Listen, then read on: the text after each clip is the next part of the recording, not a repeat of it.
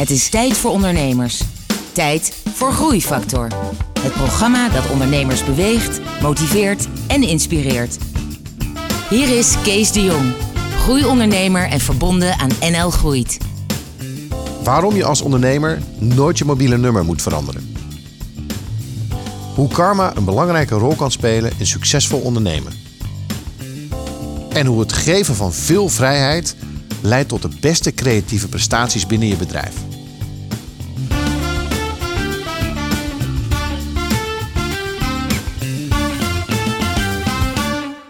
Hallo en welkom bij Groeifactor. Het programma dat ondernemers beweegt, motiveert en inspireert. Met een openhartig gesprek met een inspirerende ondernemer. En vandaag is dat Guido Vinkenstein. Guido, welkom. Dankjewel, Kees. Uh, Guido, jij bent van Ideal Projects. Ja. Um, ik zat net een heel klein beetje mis met, met wat jullie precies doen. Dus ik denk dat je het best het zelf kort kan beschrijven. uh, daar ben ik al elf jaar over aan het nadenken. Ik zou eens een goede elevator pitch moeten schrijven. Maar geef een voorbeeld van wat je hebt gedaan. Misschien is dat... Uh, een van jullie uh, collega-bedrijven, Q-Music, de hele huisvesting ingericht. Die gingen bij de kauwgomballenfabriek hier in Amsterdam ja, een kantoor huren. Lingotto, de ontwikkelaar, was bezig om de kauwgomballenfabriek te verbouwen. En er kwam nog een penthouse op het gebouw.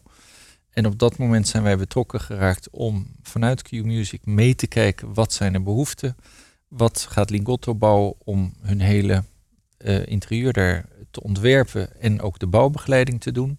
En ook hun studio's gewoon tot in detail te ontwerpen, zodat het goed werkt. Dus jullie doen de architectuur, voornamelijk van de binnenkant van gebouwen, maar soms ook een gebouw. En vervolgens het projectmanagement, totdat het hele gebouw zo klaar is dat mensen de sleutel kunnen open doen. En vervolgens staan ze in hun fantastische nieuw kantoor. Correct. Ja, en dat is, exact. dat is kantoren. Ja. Hey, hoe is dat zo begonnen? Waar, waar, waar kom je uiteindelijk vandaan? Uh, ik heb verschillende uh, bedrijven of uh, banen gehad hiervoor. Ooit begonnen op een opleiding Facility Management toen de tijd dat ik de markt opkwam, zei iedereen: wat is dat dan?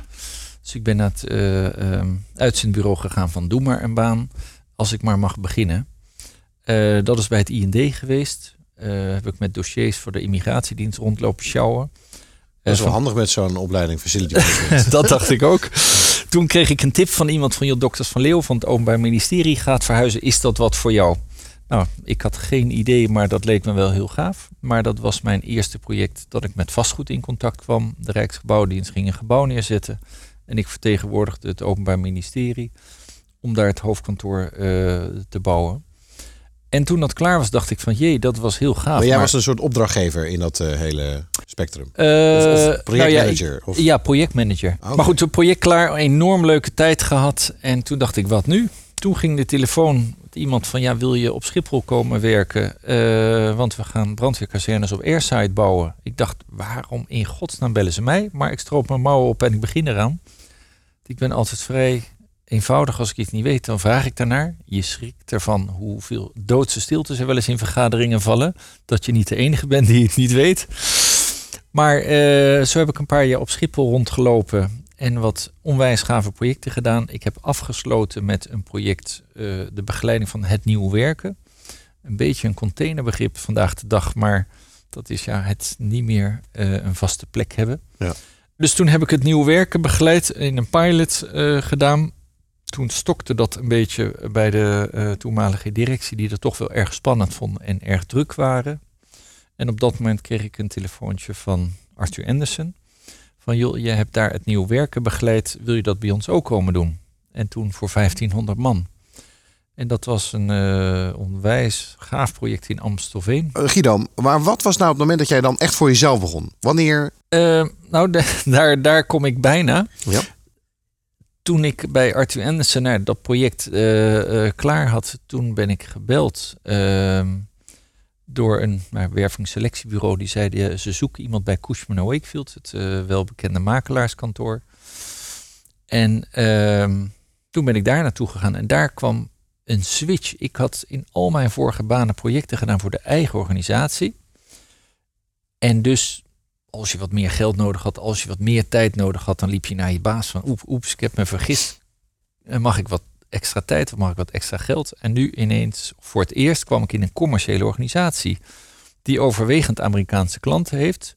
En dus je leerde, voordat je ook maar iets zegt, reken drie keer na wat je berekend hebt. En denk vier keer na voordat je iets zegt.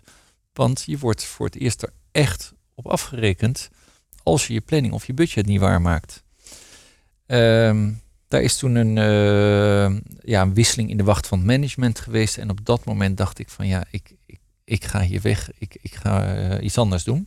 En dat was jouw moment van beginnen? Dat was mijn moment van beginnen. Dat ik principieel niet meer door wilde in, in, in die sector. En dacht, al moet ik bij de Albert Heijn uh, werken, maar ik zie wel wat ik ga doen. En op dat moment kreeg ik een telefoontje toen ik nou misschien... Zo de vierde keer dat je een telefoontje kreeg. het, het klinkt heel erg reactief, zeg nou, maar, hoe jij je leven tot dusver... Ja, eh, ja, nee, dat, dat klopt. Maar de, de grap is wel dat ik ooit één keer een ander telefoonnummer heb gehad. En dat was nog een oude Sony CX2000 pop-up, geloof ik. Die moest je met twee man tillen. Maar die heb ik ooit achtergelaten bij mijn allereerste baan. En daarna heb ik al direct begrepen, je moet nooit van je leven je nummer meer afgeven. Nee. Dat is mijn nummer. Van altijd je eigen nummer houden dat je niet de hele wereld hoeft te vertellen waar je uithangt. Uh, ja, les 1. Ja, tegenwoordig heb je natuurlijk LinkedIn en Facebook en alles, hè? Maar eh, daar, dat moest toen nog uitgevonden worden. Voor mij was Mark Zuckerberg amper geboren op dat moment. Even terug naar dat telefoontje. Ja. ja. Ehm, daar belde iemand van een uh, Amerikaans bedrijf en die zei: Guido, we hebben een probleem in Düsseldorf. Kun jij daar eens naartoe? Toen heb ik hem wel, integriteit staat bij mij heel hoog in het vaandel, gezegd: Beste John, ik werk niet meer bij Cushman. Dus je moet misschien even naar het vaste nummer van Cushman bellen. En toen zei hij de voor mij gevleugelde woorden: Wie heeft ons project in Amsterdam zo succesvol gedaan? Nou, en toen ging er een emmer met kwartjes om van het is mensenbusiness. Het maakt niet uit hoe je bedrijf heet, het gaat om de mensen die er zitten. Dus toen dacht ik van nou, dan uh, ga ik naar Düsseldorf toe. Heb daar, uh, ben daar aan een project begonnen. En inderdaad, niet veel later, daar gaan we weer, ging mijn telefoon nog een keer van een ander Amerikaans bedrijf, voor wie ik een vrij groot project, onderdeel van een groot team was, voor een vrij groot project in, op Schiphol. Dat liep er allemaal niet zo lekker. Daar werd het niet altijd even nauw genomen met normen en waarden. Mhm. Af en toe wat gejokt, zal ik maar voorzichtig zeggen. Uh, dat is toen wel uitgekomen en toen kreeg ik een telefoontje. Wij gaan uitbreiden en we zijn het er unaniem over eens willen dat jij dat gaat doen. En toen, dacht en toen viel de emmer met kwartjes voor de tweede keer. Zeg en toen dacht ik, ik ga ze naar de Kamer van Koophandel. En toen viel, viel de stuiver. De... ja, en uh, ja, dat is elf jaar geleden. Het moment dat jij had besloten, oké, ik heb zoveel telefoontjes gehad. Nu schrijf ik me in bij de Kamer van Koophandel. Wat, wat maakte dat moment anders? Wat was er anders nadat je echt helemaal voor jezelf was begonnen? Uh, je kunt volledig je eigen koers varen. En uh, dat, dat vond ik echt de grote bevrijding. Dat je niet een target hebt die je moet re uh, redden. Dat je aan, op 1 januari denkt dat is niet mogelijk. En dat je dan eind van het jaar op je tandvlees loopt en het dan net wel of net niet gered hebt. En als je het wel gered hebt, gaat je target het jaar daarna uh, omhoog. Dat ik denk van, ik wil gewoon doen wat ik leuk vind en het oprecht doen. Mm. En dat was wel een bevrijding. En nou, ik heb erg geluk gehad met een aantal mensen die mij gewoon werk gegund hebben. Had je toen al eh, kunnen bevroeden dat je zo groot zou groeien? Nee, absoluut niet. Ik, ik heb letterlijk gehad van, nou ja, ik, ik, ik begin uh, gemotiveerd door mensen om me heen. Het was niet mijn idee. Ik heb nooit gedroomd van, ik wil directeur worden, ik wil manager worden, ik wil een eigen bedrijf hebben. Nooit, nooit, Nee, want je had facility management gestudeerd. Uh, ik had facility management. En kwam je uit een ondernemersnest? Waren je ouders ondernemers? Ja, uh, inderdaad. Ik kom uit een ondernemersnest. Uh, ook de keerzijde gezien toen ik klein was, dat geld speelde geen rol. En zwinters een paar weken skiën in Zwitserland, in Verbier. En zomers op reis naar Canada. tot het moment dat de zaak failliet ging en dat je niet te veel vriendjes mocht uitnodigen op je verjaardag. En dat we thuis wel iets gezelligs gingen doen. En dan denk je van ja, weet je, dan gebeurt er echt heel veel. Dus ik heb niet die ambitie gehad van oh, ik wil ook directeur. En nu is het me overkomen. Dat is iets wat ik, dat zul je vaker van mij horen zeggen. Dingen overkomen me, denk ik. Ja. Uh, dat de telefoon gaat overkomen. We krijgen enorm mooie kansen. Dat ik denk van, ik ben zelf flabbergasted. Ik luister nog geregeld naar BNR, naar de uh, start-ups. Mm -hmm. En dan zit ik helemaal gekluisterd aan de radio. En dan denk ik van, bestaat elf jaar. Maar ik voel me nog elke dag als ik wakker word een starter. We moeten nog heel veel leren. Er zijn nog enorm veel kansen. En ergens geniet ik daar wel weer van. Maar dan even een filosofische discussie. Ja. Vaak zeggen ze mensen die heel veel geluk hebben. ehm, eh, dat is gewoon niet- geen geluk. Mensen creëren situaties, contacten. Mensen Ja. staan open. Die telefoontjes die je kreeg, die krijg je niet zomaar. Dat, dat, dat, is, dat is geen toeval. Ik geloof dat er meer tussen hemel en aarde is dan het gewone hier en nu. Dat is eigenlijk begonnen toen ik ooit over zo'n kolenbaan met mijn blote voet heb gelopen. En niet eh, twee stappen en eh tjaka en mijn- als mijn vrienden het kunnen, kan ik het ook. Nee, het was echt heel geconcentreerd. Het hoeft niet als je mag. Ik heb het gedaan en ik geloofde het niet. En nog een keer. Ja. Ik denk, en toen heb ik opgekeken naar de hemel. Dat ik denk, jongens, hoe kan dit? Ja, je hebt een soort andere drive. Ja. En daar wil ik meer van leren. Ja. Hoe dan die andere drive jouw eh, bedrijf, ehm, eh, hoe zich dat door, doorvertaalt in jouw bedrijf en in jouw groei. Ja. Maar daarvoor zitten we nog even dat jij net begonnen was met jouw bedrijf. En, en, en, en je bent alleen. En je moet mensen aannemen. Je moet projecten krijgen. Hoe heb je die beginperiode ervaren? Eh, ja, natuurlijk eerst enorme energie om, om aan de slag te gaan, vrijheid te hebben. En het is dan heerlijk als je af en toe facturen mag sturen. Ehm, maar het is, een, het is een van de spannendste momenten geweest toen ik iemand ging aannemen. Dan word je in één keer verantwoordelijk voor een heel salaris in een maand. En niet één salaris, maar er zit een persoon achter en die heeft een gezin. Ja. En dat vond ik wel van wow, dat, dat rust nu op mijn schouders. Ja. En dat vond ik een spannend moment, maar we hebben het gedaan. En dan krijg je ook iemand die ja, bijna kopie van jezelf wordt. Want het was iemand die was net klaar eh, op de TU Delft. Ja, en dan begint eigenlijk begint het feest. Dat je gewoon steeds leukere projecten mag doen, steeds meer projecten. En dan krijg je zo'n energie. En ja, dan is nummer twee aannemen eh, in één keer iets makkelijker. En nummer drie en nummer vier. En nu, ik respecteer mensen enorm. Mhm. Maar we hebben nu zelfs mensen op kantoor waar ik niet eens meer bij betrokken ben om ze aan te nemen. Omdat ik zeg, als mijn architectenteam zegt we hebben mensen nodig, dan zeg ik als jij dat vindt en je kunt het verantwoorden, zoek iemand en doe het. Je vertrouwt ze dat ze wel de juiste mensen selecteren op basis De- van jouw Wat ik tegenwoordig, en- sterker nog, ik geloof erin, je moet altijd mensen aannemen die, iedereen die ik aanneem moet beter zijn dan de laatste vorige. En wat ik dan doe, ik wil heel graag de laatste tien minuten bij een gesprek zijn als er een nieuwe persoon komt. En dan kom ik binnen en ik heb maar twee dingen die ik wil toetsen. Eén, kan ik gezellig een biertje met je drinken? En B, kan ik naar een nieuwe klant gaan en met trots zeggen, dit is Kees en je bent bij hem in goede handen. En als er iets is, kun je me altijd bellen. Dat is het enige wat ik wil weten. Dat Kan is een soort van de, de lakmoesproef Ja. bij jou. Ja. Oké, dus, dus de selectie van de mensen en, het, en, en ervoor zorgen dat je de beste mensen om je heen hebt verzameld. Dat is één van de dingen die jij heel goed hebt aangepakt. En, en nu nog steeds doet. En zeker die laatste tien, eh, tien minuten. Ehm, heeft dat ook voor die groei gezorgd? Of, of was het zo dat jij toevallig ook in de juiste tijd, hè, want dan hebben we het over elf jaar geleden, toen was de crisis Ja. er nog niet, dat was voor de crisis, dat jij gewoon net een paar goede contacten had en mooie projecten. En, dus wat was daar de groeifactor van eigenlijk in die tijd? Wij hebben het geluk gehad dat we begonnen met wat Amerikanen. En dat was niet een Amerikaan die eens in de 30 jaar iets doet. Maar die zei, god, Düsseldorf is goed gegaan. Kun je Frankfurt ook doen? En dan was Frankfurt klaar. Kun je Parijs ook doen? Oké. En dus we hadden geluk dat zij Europa doorgingen om al hun kantoren eh, te rebranden. Oké. En als je klaar was met de laatste, dan was je vijf jaar verder. En dan zeggen ze, Amsterdam gaat verhuizen. Kun je dat doen? En zo zijn we ja, in het begin geluk. En nu is het gewoon een stuk van mijn strategie. Ja. Ik werk bijna niet meer voor partijen dat ik weet, dit is once in a lifetime en daarna niet meer. Want de investering in tijd en relatie aan de voorkant is net zoveel als in een bedrijf die constant doorontwikkelt en Ja. zelf ook meegroeit. Hoe, hoe groot zijn die projecten ongeveer dan die je doet voor zo'n klant? Is dat, is dat een paar ton of is dat een miljoen? Of, eh, Eh, het wisselt als we het maar leuk vinden. Maar we hebben bedrijven gehad die zeiden: Guido, ik heb 40.000 euro om een heel grachtenpand in te richten. Kun je me helpen? Ik zei: Zolang de verwachtingen juist zijn, gaan we dat doen. En een van onze architecten is bijna letterlijk met ze naar Loods 5 gegaan om voor 40.000 euro leuk spulletjes te kopen. De architect was zo committed dat hij een keer op zaterdag mee is gaan schilderen. Want dat was goedkoper als een schilder inhuren. Maar we hebben eh, datacenters van ja, miljoenen, 80 miljoen, meer dan 100 miljoen die we ook bouwen als Ja. projectmanager. En alles wat daartussen zit. Ehm, ik heb dinsdag een presentatie in Brussel voor een project van 12.000 meter. Maar het gaat erom, vinden we het leuk, vinden we de klant leuk en denken we het verschil te kunnen maken. Ja. Het gooi- en smijtwerk, 10 in een, of 12 in een dozijn, hoef je ons niet voor te bellen. Groeifactor is een initiatief van MKB Brandstof.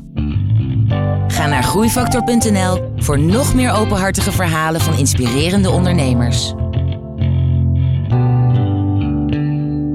Groeifactor inspireert ondernemers. Guido, als jullie kunstje is dat je iedere keer de klant weet te verbazen met jullie hè, de, de, eh, concepten en ideeën over nieuwe kantoren, inrichting uh, en, en alles wat erin staat.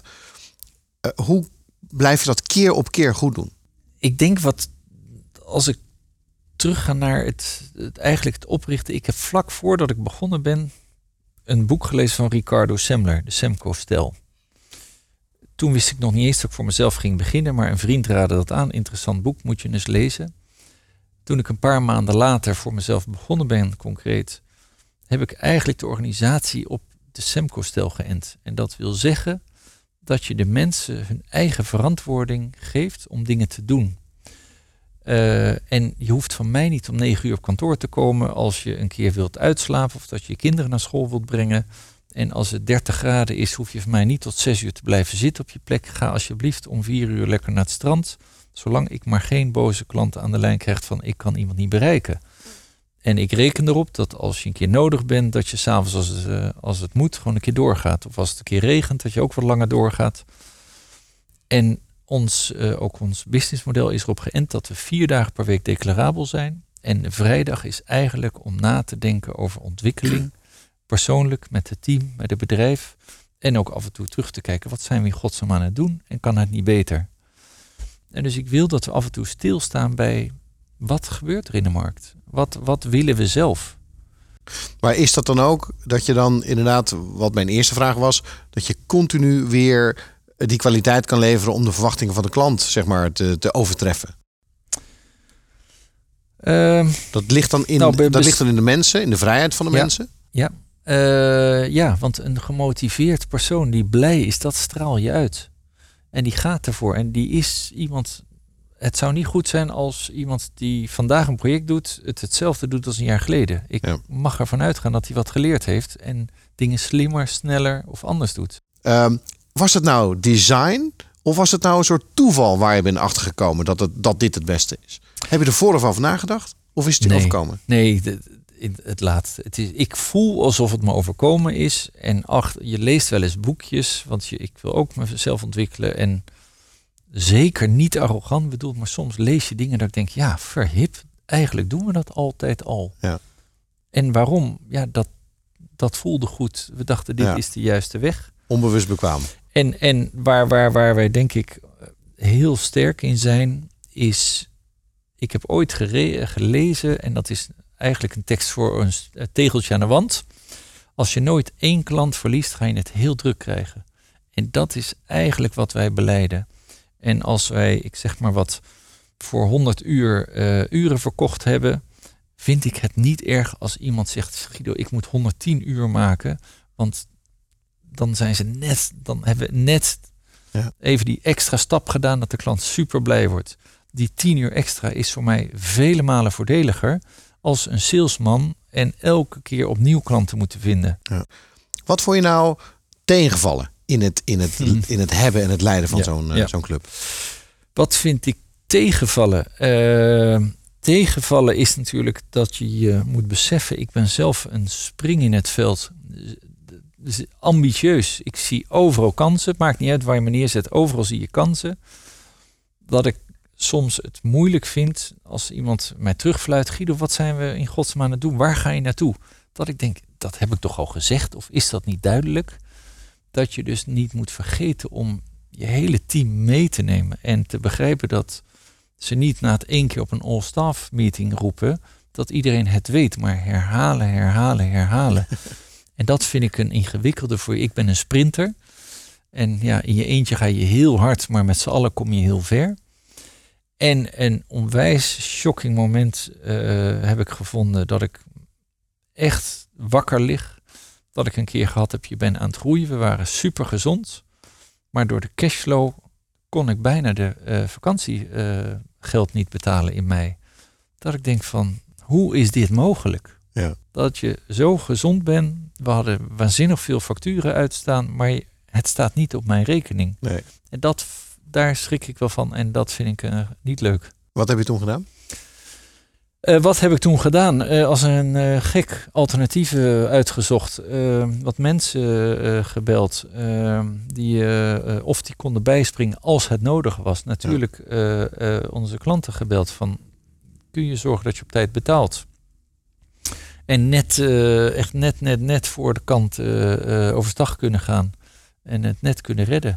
Maar dat heeft me echt bezig gehouden. Dat je gewoon een paar weken zorg hebt, kan ik het wel betalen. En sindsdien heb je uh, gewoon een proactief cash management uh, systeem ja. geïmplementeerd. Ja, ja. En, en nog steeds is het moeilijk, want uh, ik ben heel trots op alle bedrijven op wie we werken. Maar ik vind het ongelooflijk dat de grote der aarde gewoon 90 dagen betaaltermijnen hanteren ja. nadat de dienst klaar is.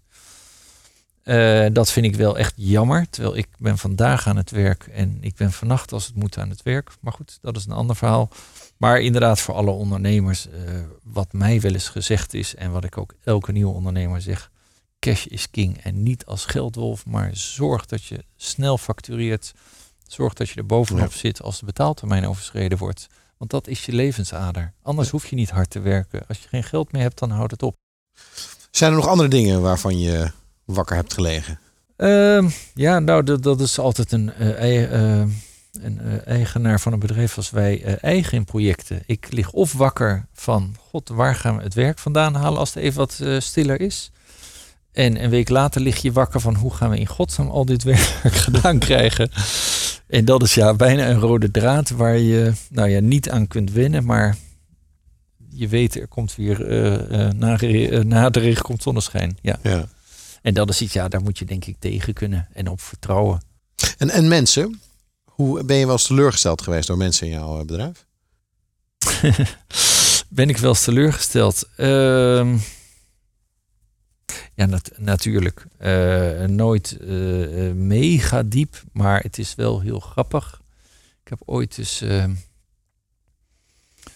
de, de zelfoverschatting is fascinerend. En ik moet natuurlijk oppassen, want ik zal het zelf wellicht ook hebben. Um, maar uh, ik heb wel eens iemand gehad die had echt een torenhoog salaris. Maar die acteerde ergens bijna onderaan in de organisatie. En ik denk, hoe kan dat nou? Hoe kan dat nou? Daar mag ik toch wat meer van verwachten. En op een gegeven moment dacht ik van in een all-staff, jongens, pak eens allemaal een A4'tje. Teken de organisatie eens uit. Hoe zitten wij in elkaar? En jongen met een directeursalaris tekende zichzelf inderdaad onderaan naast wat mensen die nul ervaring hadden. En toen dacht ik, ja, nou begrijp ik hem. En, en dat vind ik wel onvoorstelbaar. Dat ik denk van hoe is dat mogelijk? Iemand die dus kennelijk in het verleden uh, zijn sporen verdiend had, waardoor iedereen uh, mee is gegaan in zijn salarisgroei. En dat ik denk van nou, ik geef er geen dubbeltje voor. En wat heb je toen gedaan? Uh, ja, een hele lastige voor hem. Uh, ik zei, ik heb twee opties. Of je salaris gaat met zoveel omlaag, of het houdt hier op. Nou, en helaas zie je vandaag de dag dat iedereen eind van de maand een stukje maand over heeft en het geld is op. En dat iemand dus geen keus meer heeft om te zeggen, oké, ik doe mijn salaris omlaag. Ja. Dus dat was een warm afscheid en dat was het. Ja. Maar en, en, ja, dat, dat vind ik zo onvoorstelbaar hoe mensen in, en ook mijn fouten in de sollicitatie toen, dat je meegaat in iemands verhaal. Ik heb dit gedaan, ik heb dat gedaan, ik heb zus gedaan. Dat ik denk van zo, dat is nogal wat. Ik zeg er wel altijd eerlijk bij, ook in de Semco-stel, je mag zeggen wat je wilt verdienen. Maar voordat je een antwoord geeft, let op. Bij 5000 euro in de maand heb ik een andere verwachting als bij 2000 euro. Dus denk daar goed over na. En nou, dat, is, dat heb ik nageleefd. Ja. Bij het bedrag wat jij hebt, past deze verwachting niet. Dus of naar beneden of weg. Ja. Ik, ik wil het nog graag met je hebben over inderdaad uh, een beetje een rode draad ook in jouw verhaal. Dat zijn die, uh, dat zijn die kernwaarden. Die, die dan wel impliciet, expliciet. Dat is die vrijheid die je de mensen uh, geeft. Ja. Um, het feit dat je eigenlijk niet het geld nastreeft, maar dat je een soort van eerder een soort van geluk nastreeft. Ja. Je bent eerder een soort ja. van, van.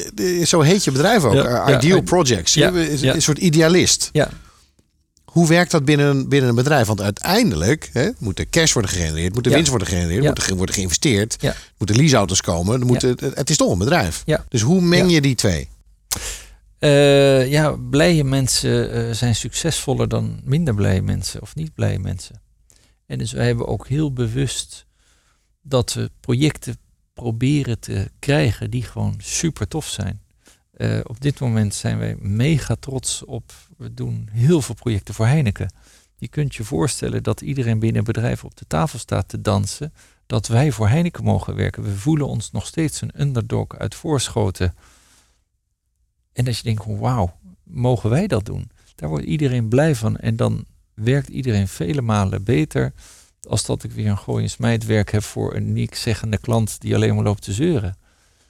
En ja, dat brengt een vibe in het bedrijf die dan op een gegeven moment vanzelf wel ook zich uitbetaalt. Zou dat nog steeds zo werken als jouw bedrijf drie keer zo groot zou zijn? Eh, het is een eh, hele terechte vraag. Die zorg heb ik ook. Want ik, ik heb ook nou, eh, relaties van het eerste uur die zeggen... Guido, ik weet het nog zo goed. Toen jij hier een keer binnenkwam, jullie waren met z'n zes... en jij zei, ik wil nooit groeien. Dit is wat het is. Ik wil het zo houden. En hij zei, daar sta je dan. Maar het is inderdaad een zorg. Hoe kun je die cultuur bewaken? Want wat ik al even liet vallen... Het is, we zijn net een familiebedrijf. Het is vrienden. Ik weet niet hoeveel feestjes per jaar we hebben. Dan is met de partners, dan weer Sinterklaas voor de kinderen. Er gaan cadeautjes naar huis voor de partners. Ehm, en weet je, iemand die ontspannen is, die het naar zijn zin heeft, dat werkt gewoon. Ja. En wij proberen ook heel vaak als we een nieuwe klant tegen het lijf lopen, of een potentiële nieuwe klant, hem naar ons kantoor te halen. Om dan voelt men de vibe bij ons op kantoor van hé, hey, dit is eigenlijk een hele leuke club mensen. Heb respect voor elkaar en maak lol. Eh, Guido, we komen een beetje aan het eind eh, eh, van het gesprek. Ehm, ik wil beginnen met je ambitie. Waar gaat het verder? Hoe ver reikt je ambitie? Hoe groot wil jij dat jouw ideal project wordt? Inmiddels eh, bijna oneindig. Ik wilde het altijd, wat ik eerder zei, klein houden. Ik dacht, nou, zes man is wel genoeg. Ehm, inmiddels hebben we ook een kantoor in België. Eh, we zijn in Londen bezig. En iemand die ik daar sprak, want dat is een, nou, een kleine overname waar Mhm. ik mee aan het praten ben of over aan het praten ben. Maar de huidige eigenaar van dat bedrijfje heb ik ook gevraagd, wat is jouw ambitie? Eh, om te kijken, matcht dat? En hij zegt, ik zou heel graag in Amerika een keer willen starten. Dus ik heb gezegd, dat is goed. Dan gaan we Londen laten uitgroeien tot 10 man omzet X. Dan maken we een spaarpot. Dan ga jij naar Amerika toe. Een andere zakenpartner van mij woont in Singapore. En die roept al een paar jaar, Guido, het werk ligt op straat. Waarom gaan we niet in Singapore beginnen? En tot voor kort zei ik, dat is zo'n ver van mijn bedshow. Maar ik denk, ja, als de ene naar Amerika vliegt om de business te starten, waarom Singapore dan niet ook? Dus ja, dat eh, in één keer begin ik daarin te geloven. Maar eerst wordt nu de stap naar Londen. Ja, maar het klinkt alsof het dichterbij is dan dat je, hè, dan dat je denkt. Want, en, en dan begint dan Ja. een beetje met de droom. Heb je dan niet een te kleine droom? Al, als dit bijna zo naar je toe komt. Er zijn Ja. natuurlijk wereldwijd, heeft Nederlands eh, bekende architecten... die over Ja. heel de wereld fantastische projecten Ja. Eh, ja, als je de, het gezegde zegt, if you want to reach the moon, you, eh, you need to... If you want to reach the moon, you Shoot have for to the stars. shoot for the stars. Ja, of andersom. Eh, en de, de andere kant is natuurlijk, het is ook wel weer lekker als je ambitie niet te groot is. Want dan heb je heel vaak zo'n momentje van zo, die heb ik achter de rug. En anders duurt het zo lang voordat je een feestje hebt, voordat je bereikt hebt wat je wilt. Dus ja, voor mijzelf heb ik natuurlijk het hele heelal als doel, maar ik wil het niet te hard roepen. Laat iedereen maar denken dat ik niet te ver wil. Ja. Weet je, dan kan het ook niet tegenvallen. Ja. Eh, ja, daar zijn we aangekomen met die, eh, met die inzichten en, en, en tips en Ja. tricks. En, Ja. en nogmaals, als ik het samenvat, hè, dat, dat- je hebt een aantal dingen echt wel anders gedaan dan andere ondernemers. En dat heeft wel een soort van, van groei gecreëerd bij jouw organisatie. Eh, maar zet ze maar even op een rijtje voor me. Dus we- Laten we er drie pakken dan. Ja, eh, de- de- helaas, maar waar, cash is king. Je hoeft geen geldwolf te zijn, maar zonder geld hou je het niet uit. Is Ja. het niet te doen. Dus zorg dat je facturen op tijd verstuurt. Zorg Ja. dat ze op tijd betaald worden. Een andere die ik wel aardig vond, is een tip van mijn broer ooit. Neem jezelf serieus. Ik wilde ooit voor de lol bij een studentenvereniging... een van de drukste kruispunten van Den Haag voor 1000 euro... een, een, een, een eh, eh, hoe noem je dat, etalage van een studentvereniging huren met heel groot ideal projects. Waarop mijn broer zei, kun jij niet beter voor diezelfde 1000 euro klapblokken en briefpapier laten maken? Daar heb ik over nagedacht en ik dacht ja. En later vroegen mensen wel eens aan mij, hoe groot zijn jullie eigenlijk? En toen dacht ik, ik ben alleen of we waren met z'n drieën, weet ik veel. Maar doordat het er professioneel uitzag, dat vind ik dus een hele belangrijke.